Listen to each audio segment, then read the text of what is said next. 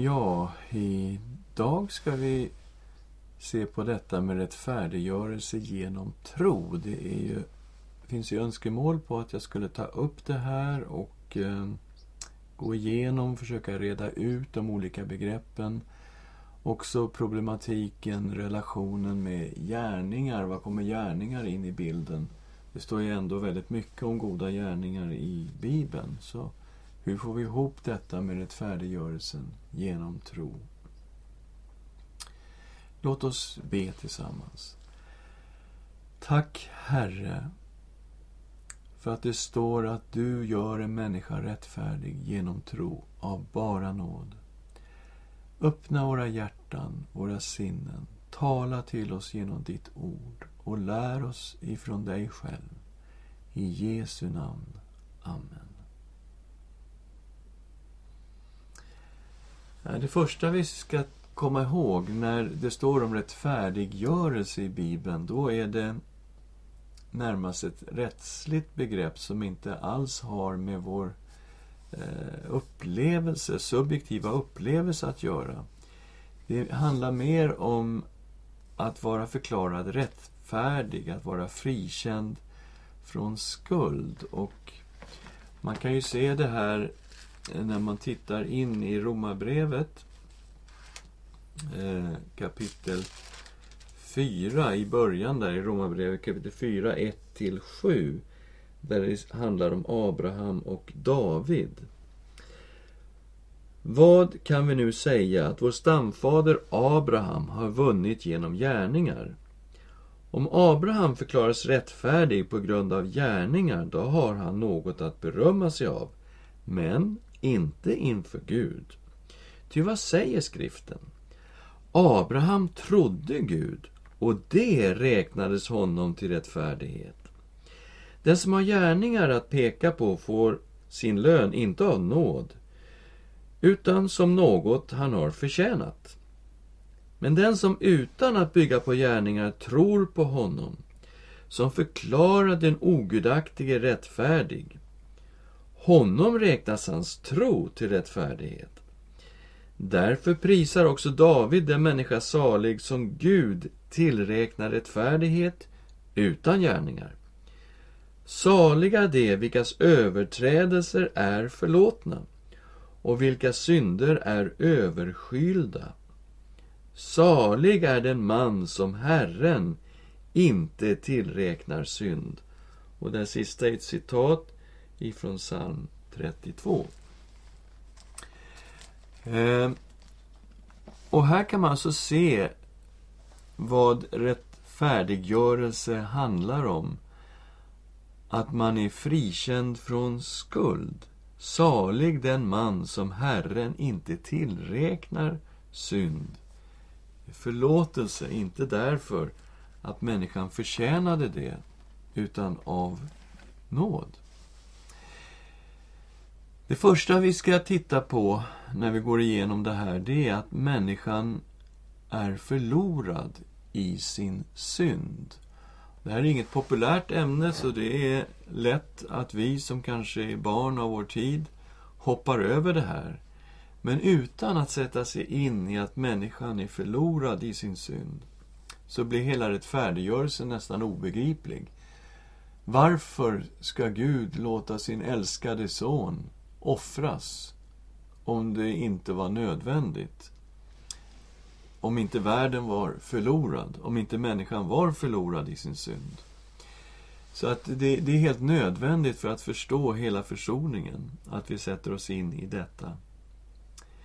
Och då får vi börja lite grann ifrån början. Gud satte Adam och Eva i paradiset. Där fanns ingen synd. Där var en fullkomlig harmoni och de levde i en fullkomlig gemenskap med Gud.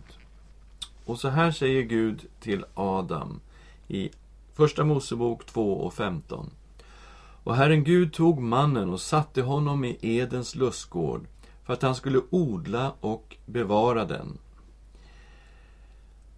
Och Herren Gud gav mannen denna befallning. Du kan äta fritt av alla träd i lustgården, men av trädet med kunskap om gott och ont ska du inte äta.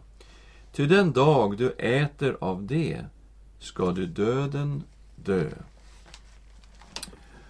Och eh, vi ser ju också att eh, Satan kom som en orm och frestade människan och att människan föll i synd.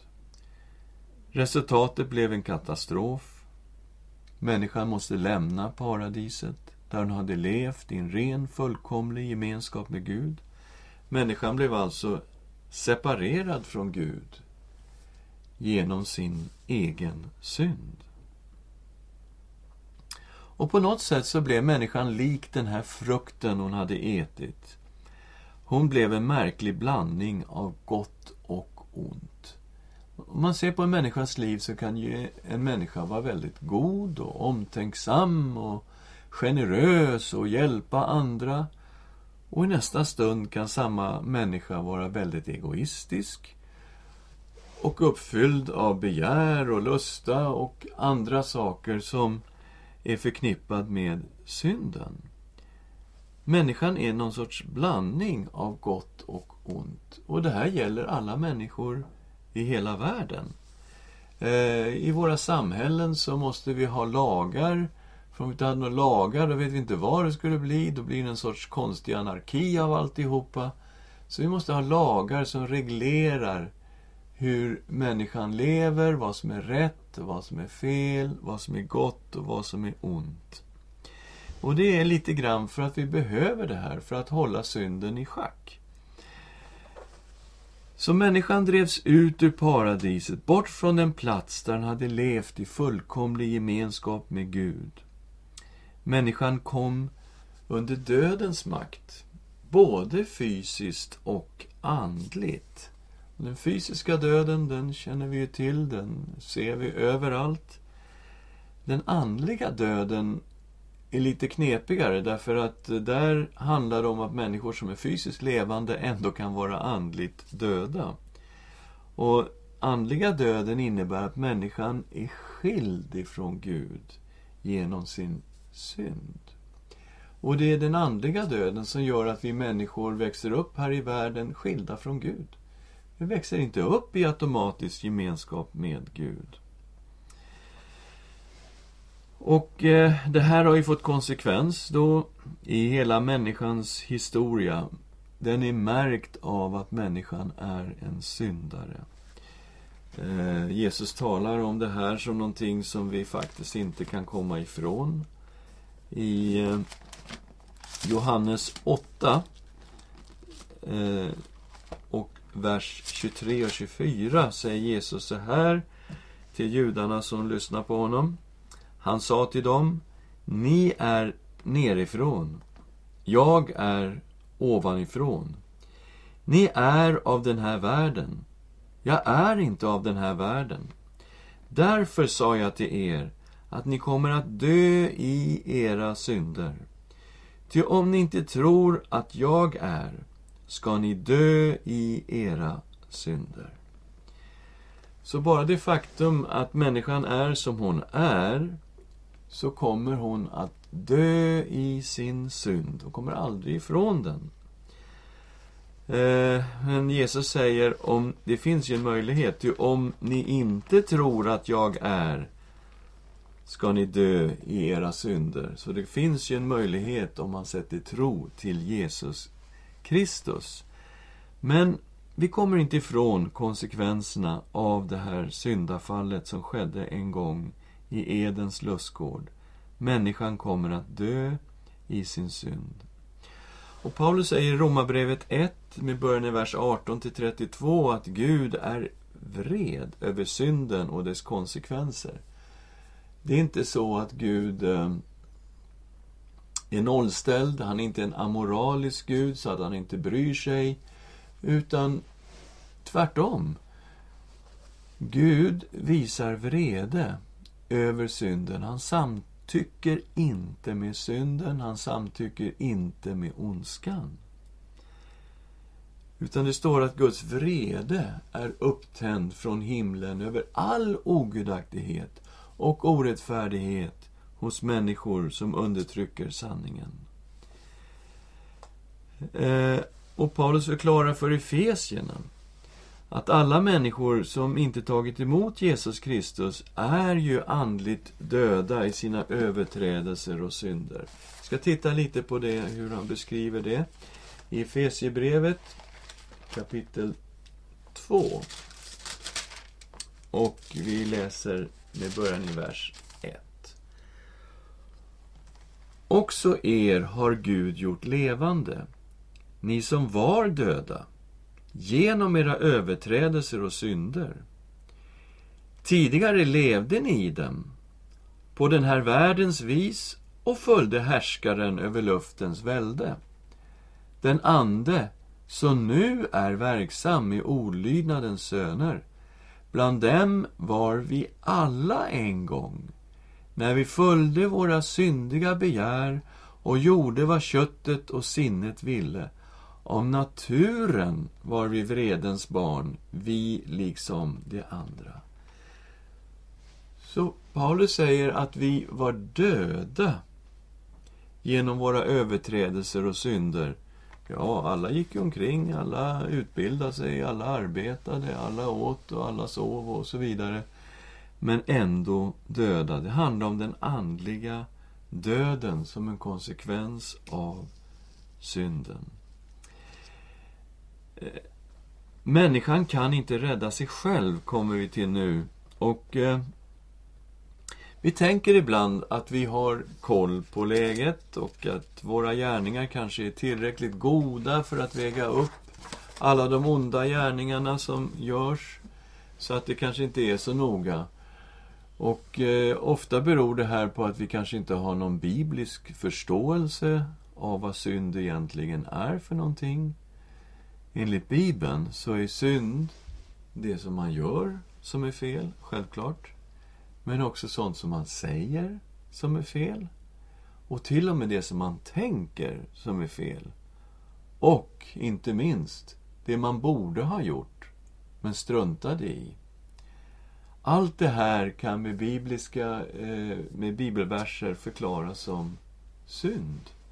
Och det är klart, inför en sån definition av synd så fattar man ju att vi alla ligger ganska dåligt till. Men det här med att goda gärningar då skulle ta bort synd, det är ändå någonting som hänger kvar och finns eh, överallt runt omkring oss. Eh, men laggärningar duger alltså inte. Tänk på hur Jesus talar om farisén och publikanen, skatteindrivaren där, som gick upp till templet för att be. Och vi hittar i Lukas kapitel 18 vers 9 till 14. För några som var säkra på att de själva var rättfärdiga och som föraktade andra berättade Jesus också denna liknelse. Två män gick upp till templet för att be. Den ene var farisé, den andre publikan. Farisén stod och bad för sig själv. Gud, jag tackar dig för att jag inte är som andra människor, rånare, brottslingar, äktenskapsbrytare eller som den där publikanen. Jag fastar två gånger i veckan. Jag ger tionde av allt jag tjänar. Publikanen stod långt borta och vågade inte ens lyfta blicken mot himlen, utan slog sig för bröstet och bad Gud, var nådig mot mig syndare. Jag säger er, han gick hem rättfärdig, inte den andre. Ty var och en som upphöjer sig ska bli förödmjukad, men den som ödmjukar sig ska bli upphöjd. Okej, okay här har vi en farisé och på den tiden var fariseerna, de stod högt i kurs i samhället. Det var människor som var mycket religiösa. Det var människor som hade vikt sina liv åt att tjäna Gud från morgon till kväll. De försökte följa alla Guds bud och lagar och göra det som är rätt och det som är gott. Och eh, de fastade som sagt två gånger i ve veckan. De bad tre gånger varje dag. Och de var mycket fromma människor. Medan publikaner då, de här tullindrivarna, de räknas ju som eh, vad ska man säga, förä, landsförrädare ungefär, för de jobbade åt romarna och samlade in tull i städerna. Eh, när folk kom in i städerna med sina varor så måste de tulla för dem innan de fick ställa sig på torget och sälja. Och de här stoppade lite för mycket i egen ficka, så de var lite tjuvaktiga också. Och de låg alltså riktigt långt ner på samhällsskalan, publikanerna. Och Jesus tar alltså en som står högt upp i kurs och en som står absolut i botten och så börjar han eh, så, så tar han den här liknelsen och han säger då den här farisén han ställer sig där inför Gud i templet och han tackar Gud för att det är så fruktansvärt bra att han inte är en syndare. Han tackar Gud för att han har gjort allting rätt. Och han tackar Gud för att han inte är som den där publikanen där borta. Medan publikanen, han, han orkade inte ens lyfta blicken. Han bara sa Gud, var nådig mot mig, jag är ju en syndare. Och Jesus säger, han gick hem rättfärdig, men inte den andra. Och det här betyder ju att all självrättfärdighet har kommit till vägs ände.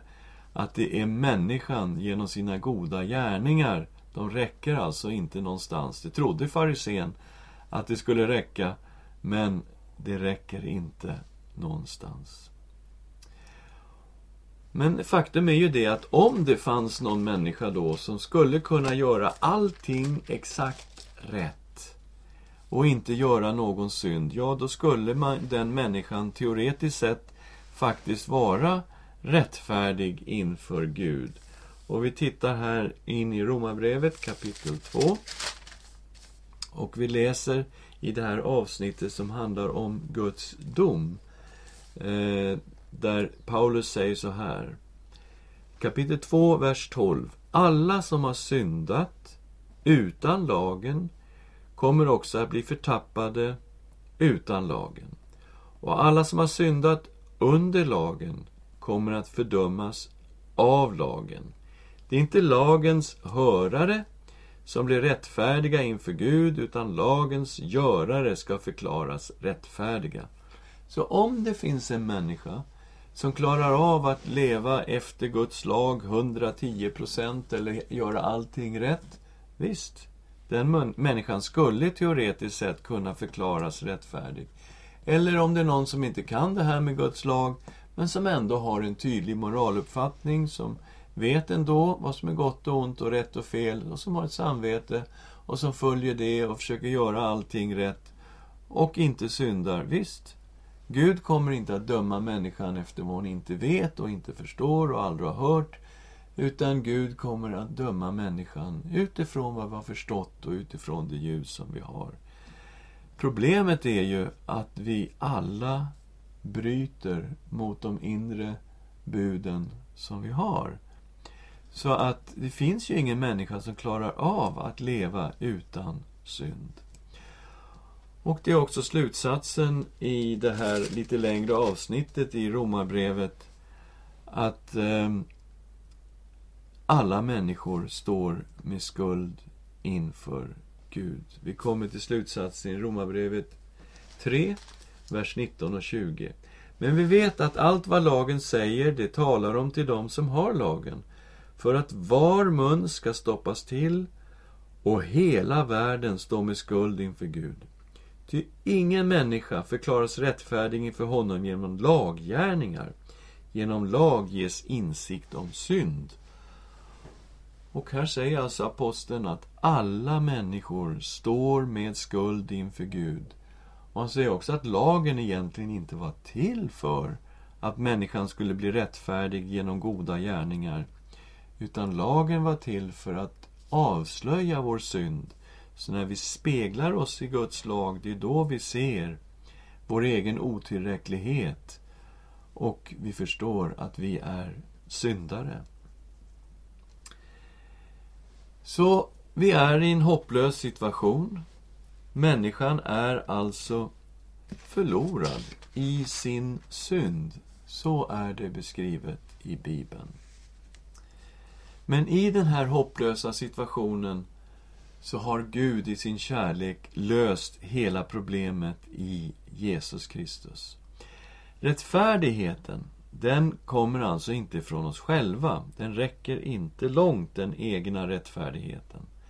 Men det finns nu en rättfärdighet från Gud och det är någonting helt annat. Och redan i Gamla Testamentet så står det om den här rättfärdigheten från Gud.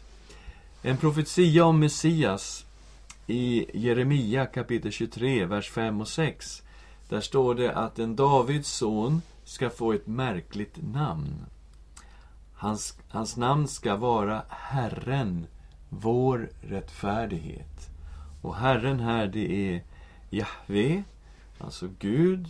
Vår rättfärdighet, det är hans namn. Och i Första Korinthierbrevet kapitel 1, vers 28-31 hittar vi just detta uttryck Kristus, vår rättfärdighet. Att han i sin person skulle vara vår rättfärdighet. Hur gör Gud det här? Hur gör Gud en människa rättfärdig så att inte vi, så att säga, straffas för våra synder utan får nåd och förlåtelse ifrån Gud? Jo, det gör han genom Jesu Kristi offer. Vi har ju den här jätteberömda profetian i Jesaja kapitel 53. Och vi ska läsa vers 5 och 6. Han var genomborrad för våra överträdelsers skull. Slagen för våra missgärningars skull. Straffet var lagt på honom för att vi skulle få frid. Och genom hans sår är vi helade. Vi gick alla vilse som får. Var och en av oss gick sin egen väg. Men all vår skuld lade Herren på honom. Så, genom att Kristus kom in i världen och offrade sig för att bära vår synd, vår skuld och vårt straff, så förlåter Gud människan. I, i Andra Korinthierbrevet 5 ser vi det här heliga bytet där, där Gud erbjuder sin rättfärdighet i utbyte mot vår synd. Vi kommer till Andra Korinthierbrevet kapitel 5 och vi läser då vers 19 och 20. Ty Gud var i Kristus och försonade världen med sig själv. Han tillräknade inte människorna deras överträdelser och han har anförtrott åt oss försoningens ord. Vi är alltså sändebud för Kristus. Det är Gud som förmanar genom oss. Vi ber och Kristi vägnar, låt försona er med Gud. Den som inte visste av synd, honom har Gud i vårt ställe gjort till synd, för att vi i honom skulle stå rättfärdiga inför Gud. Så här ser vi alltså att Gud säger till människan Ska vi byta? Vi gör ett byte. Du ger mig din synd, så får du istället min rättfärdighet. Den som inte visste av synd, det är Jesus. Honom har Gud i vårt ställe gjort till synd, för att vi i honom skulle stå rättfärdiga inför Gud. Och det här med rättfärdigheten från Gud, det är någonting som vi tar emot. Och vi tar emot den som en gåva från Gud, av bara nåd. Nåd är någonting som betyder att Gud ger människan något som man absolut inte förtjänar. Det är nåd. Och vi tar emot Guds rättfärdighet genom tro på Jesus Kristus av bara nåd. Och vi tittar in i Romarbrevet kapitel 3.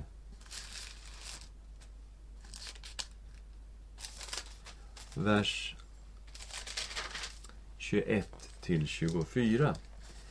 Men nu har, utan lagen, en rättfärdighet från Gud blivit uppenbarad. En som lagen och profeten, profeterna vittnar om. En rättfärdighet från Gud genom tro på Jesus Kristus för alla som tror. Ty här finns ingen skillnad. Alla har syndat och saknar härligheten från Gud och de står som rättfärdiga utan att ha förtjänat det av hans nåd därför att Kristus Jesus har friköpt dem. Och det här är alltså en rättfärdighet från Gud utan lagen, inte med våra egna goda gärningar att göra. Den har blivit uppenbarad och att den nu har blivit uppenbarad det är kopplat till personen Jesus Kristus som nu har kommit till världen. Och det är en rättfärdighet från Gud som lagen och profeterna vittnar om. Det betyder att det finns något, det står om detta i Gamla Testamentet. Precis som det står lite senare i Romarbrevet om Abraham. Abraham trodde Gud och det räknades honom till rättfärdighet. Så det här är något som vittnas om i det Gamla Testamentet. En rättfärdighet från Gud som vi tar emot genom tro på Jesus Kristus av bara nåd. Och det här gäller alla som tror. Trots att alla har syndat, trots att alla saknar härligheten från Gud, så står de nu helt plötsligt rättfärdiga utan att ha förtjänat det. Av hans nåd. Därför att Jesus Kristus har friköpt dem. Så att det här är ju helt fantastiskt. Vi tar emot detta, Guds rättfärdighet, genom tron. Och en nyckelvers i Galaterbrevet, det är eh, kapitel 2 och vers 16. Vi ska läsa Galaterbrevet 2 och 16. Men eftersom vi vet att människan inte förklaras rättfärdig genom laggärningar, utan genom tro på Jesus Kristus, så har också vi satt vår tro till Kristus Jesus, för att vi ska stå som rättfärdiga genom tro på Kristus och inte genom laggärningar. Ty genom laggärningar blir ingen människa rättfärdig. Okej, okay, det är väldigt tydligt att det inte är genom våra goda gärningar, utan det är just genom tron på vad Gud har gjort i Jesus Kristus. Och man tänker då, gäller det här alla människor? Det finns ju en del som är jättebra människor. Och vi ska titta på Paulus personliga vittnesbörd, där han berättar om sitt liv. Eh, att han hade gjort allting enligt lagen. Men, och han skulle kunna skryta över sin egen rättfärdighet för att han var så ruggigt bra. Men så fick han möta Guds rättfärdighet i Jesus Kristus. Vi läser det här personliga vittnesbördet. Vi hittar det i det tredje kapitlet av Filipperbrevet. Vi läser ifrån vers 4. Fast också jag kunde förlita mig på yttre ting. Ja, om någon menar sig att han kan förlita sig på yttre ting, så kan jag det ännu mer. Jag som blev omskuren på åttonde dagen och som är av Israels folk och Benjamins stam, en hebré, en hebre född av hebreer, jag som i fråga om lagen var en farisé i fråga om iver, en församlingens förföljare. I fråga om rättfärdighet, den som vinns genom lagen, en oklanderlig man. Men allt det som var en vinst för mig räknar jag nu som förlust för Kristi skull. Ja, jag räknar allt som förlust Därför att jag funnit det som är långt mer värt, kunskapen om Kristus Jesus, min Herre. För hans skull har jag förlorat allt och räknar det som avskräde för att jag ska vinna Kristus och bli funnen i honom, inte med min egen rättfärdighet, den som kommer av lagen, utan med den som kommer genom tro på Kristus, rättfärdigheten från Gud genom tron. Så här har vi alltså Paulus. Han menar på att han till och med nådde toppen av vad som var möjligt av egen rättfärdighet. Han säger, jag var en oklandlig man enligt lagens sätt att se det. Men nu räknar han det som avskräde, som sopor, som, som minus, som en ren förlust. I jämförelse med vad då? I jämförelse med rättfärdigheten från Gud. Den som han tog emot genom tro på Jesus Kristus. Oj, om det här gällde Paulus, då gäller det verkligen mig. Och det gäller, tror jag, oss alla. Att en människa kan inte bli rättfärdig genom egna goda gärningar. Utan vi behöver ta emot rättfärdigheten från Gud genom tron på Jesus. Gud var i Kristus och försonade hela världen med sig själv. Och det är egentligen ganska ödmjukande att läsa om det här ämnet i Bibeln. För det är inte bara så att vi är förlorade i vår synd utan möjlighet att frälsa oss själva. Det är till och med så att vi inte ens kan förstå eller ta emot Jesus Kristus som frälsare utan Guds hjälp, utan den helige Andes verk i oss. Den helige Andes verk är alltså helt nödvändigt i det här sammanhanget. Och vi ska titta lite på vad Jesus säger om Guds ande. Och vi går till Johannes evangeliets femtonde kapitel. Om vi tittar lite här, vi ska se Andens uppgift. 15.26 När Hjälparen kommer, som jag ska sända er från Fadern, sanningens ande som utgår från Fadern, då ska han vittna om mig. Så, Jesus säger att han ska sända Anden, Hjälparen, sanningens ande som utgår ur Fadern och det är någonting som pågår hela tiden, dag och natt. Dag och natt så strömmar Guds ande ur Fadern.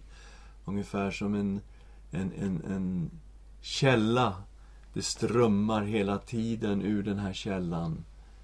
Fadern, från, från Fadern strömmar Guds ande dag och natt. Jesus säger Jag ska sända den här anden och när han kommer då ska han vittna om mig.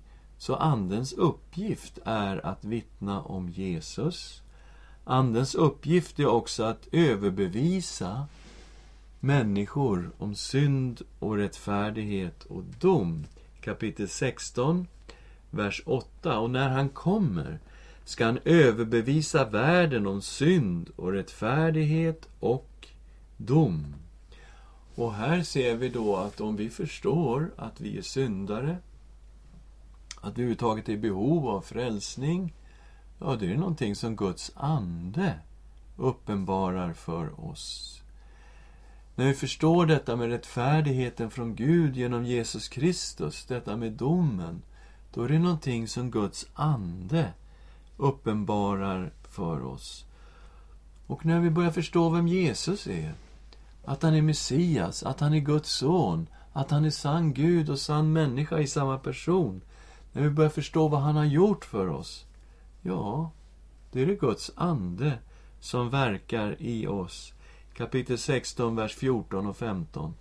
Han ska förhärliga mig. Ty av det som är mitt ska han ta och förkunna för er. Allt vad Fadern har är mitt. Därför sa jag att han ska ta av det som är mitt och förkunna för er. Anden ska alltså förhärliga Jesus. Anden ska vittna om Jesus. Och han ska överbevisa om synd och rättfärdighet och dom. Och här börjar vi ju ana förstås att den heliga Ande spelar en jättestor roll i en människas frälsning.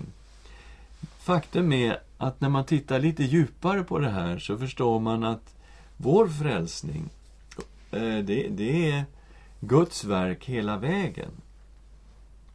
Det var ju så att det var all, hela initiativet börjar ju hos Gud som ser en förlorad mänsklighet. Det var Gud som älskade världen så att han sände sin son. Och när sonen kom så var det ju sonen som offrade sig själv för att betala straffet för våra synder. Och anden, ja, anden uppenbarar ju sanningen om oss själva om Kristus. Det är ju Gud som genom sin ande föder oss på nytt så att vi blir hans barn. Det är också Gud som bor i oss genom sin ande och ger oss kraft genom sin ande att följa Kristus, att vara hans efterföljare. Det är Gud som har frälst oss, säger skriften. Men det är också Gud som frälser oss dagligen. Som vi ber i Herrens bön. Fräls oss från ondo, eller från det onda, eller från den onde. Gud frälser oss dagligen och enligt skriften ska han frälsa oss in i den eviga härligheten. Gud är hela tiden där. Det är ju han som frälser oss. Och eh, i Efesierbrevet kapitel 2, vers 4 till 10, så ser vi det här väldigt tydligt. tydligt. Vi har ju tidigare läst eh, vers 1 till 3, när vi talade om att vi var döda i våra synder. Och vi går vidare nu och tittar på Efesierbrevet 2, 4 till 10. Men Gud, som är rik på barmhärtighet, har älskat oss med en så stor kärlek, också när vi ännu var döda genom våra överträdelser, att han har gjort oss levande tillsammans med Kristus. Av nåd är ni frälsta. Ja, han har uppväckt oss med honom och satt oss med honom i den himmelska världen i Kristus Jesus för att i kommande tider visa sin överväldigande rika nåd genom godhet mot oss i Kristus Jesus. Ty av nåden är ni frälsta genom tron, inte av er själva. Guds gåva är det, inte på grund av gärningar, för att ingen ska berömma sig. Ty hans verk är vi, skapade i Kristus Jesus till goda gärningar, som Gud har förberett så att vi ska vandra i dem. Vi var alltså andligt döda genom vår synd, men Gud har gjort oss levande med Kristus av bara nåd. Och vi är förenade med Kristus. Han bor i oss och vi är i honom. Och i kommande tider så kommer Gud att bevisa sin godhet av bara nåd mot oss. Och Paulus betonar nu att vi är frälsta av nåd genom tro på Jesus utan egna gärningar för att ingen ska kunna berömma sig. Vi är Guds verk. Vi är till och med skapade i Kristus för goda gärningar. Så, det här är Guds verk. Frälsningen är Guds verk i oss. Rättfärdiggörelse genom tro är Guds verk. Människan tar emot en gåva från Gud och människan tar emot det genom tro. Men vi ska gå lite vidare, lite djupare här. Vi pratar om det här, vi ska försöka titta på relationen mellan tro och gärningar. Hur kommer det då sig att i Nya Testamentet talar det väldigt mycket om goda gärningar? Eh, hur får vi ihop det här? Eh, vi ska titta på den biten. Det första vi ska lägga märke till är omvändelsen omvändelsens nödvändighet. För omvändelse och tro hör ihop i Nya Testamentet. När Nya Testamentet talar om att vi ska tro på Jesus, då innebär det också omvändelsen. Vi ser det väldigt tydligt i Johannes döparens eh, förkunnelse, där han kallar människor till omvändelse, till ett omvändelsedop, men han säger också att de ska tro på den som kommer efter honom, alltså Messias, Jesus. Också när Jesus kommer så ser vi i början av Markus en sorts programförklaring av hela Jesu verksamhet. Och Jesus säger Tiden är fullbordad. Guds rike är nu här. Omvänd er och tro evangelium. Okej, okay, tiden är fullbordad. Nu kommer det att ske. Guds rike är här, det har kommit. Varför då? Jo, kungen hade kommit. Och vad ska vi göra? Omvända oss och tro evangelium. Omvändelse och tro hör ihop. Också när Petrus predikar på pingstdagen, de frågar vad, vad ska vi göra för någonting? Han säger omvänd er och låt er alla döpa er i Jesu Kristi namn. Så ska ni ta emot den heliga Ande som gåva. Alltså den dag som vi tar bort omvändelsen ifrån vår förkunnelse, då står vi på mycket svag nytestamentlig grund. Omvändelse, det innebär ju att vi är på väg i en viss riktning, men vi går åt fel håll. Vi behöver vända om och gå tillbaka till Gud. Vända oss mot Gud. Och det innebär också att vi gör Jesus Kristus till vår Herre. Att det är han som tar över kontrollen av våra liv.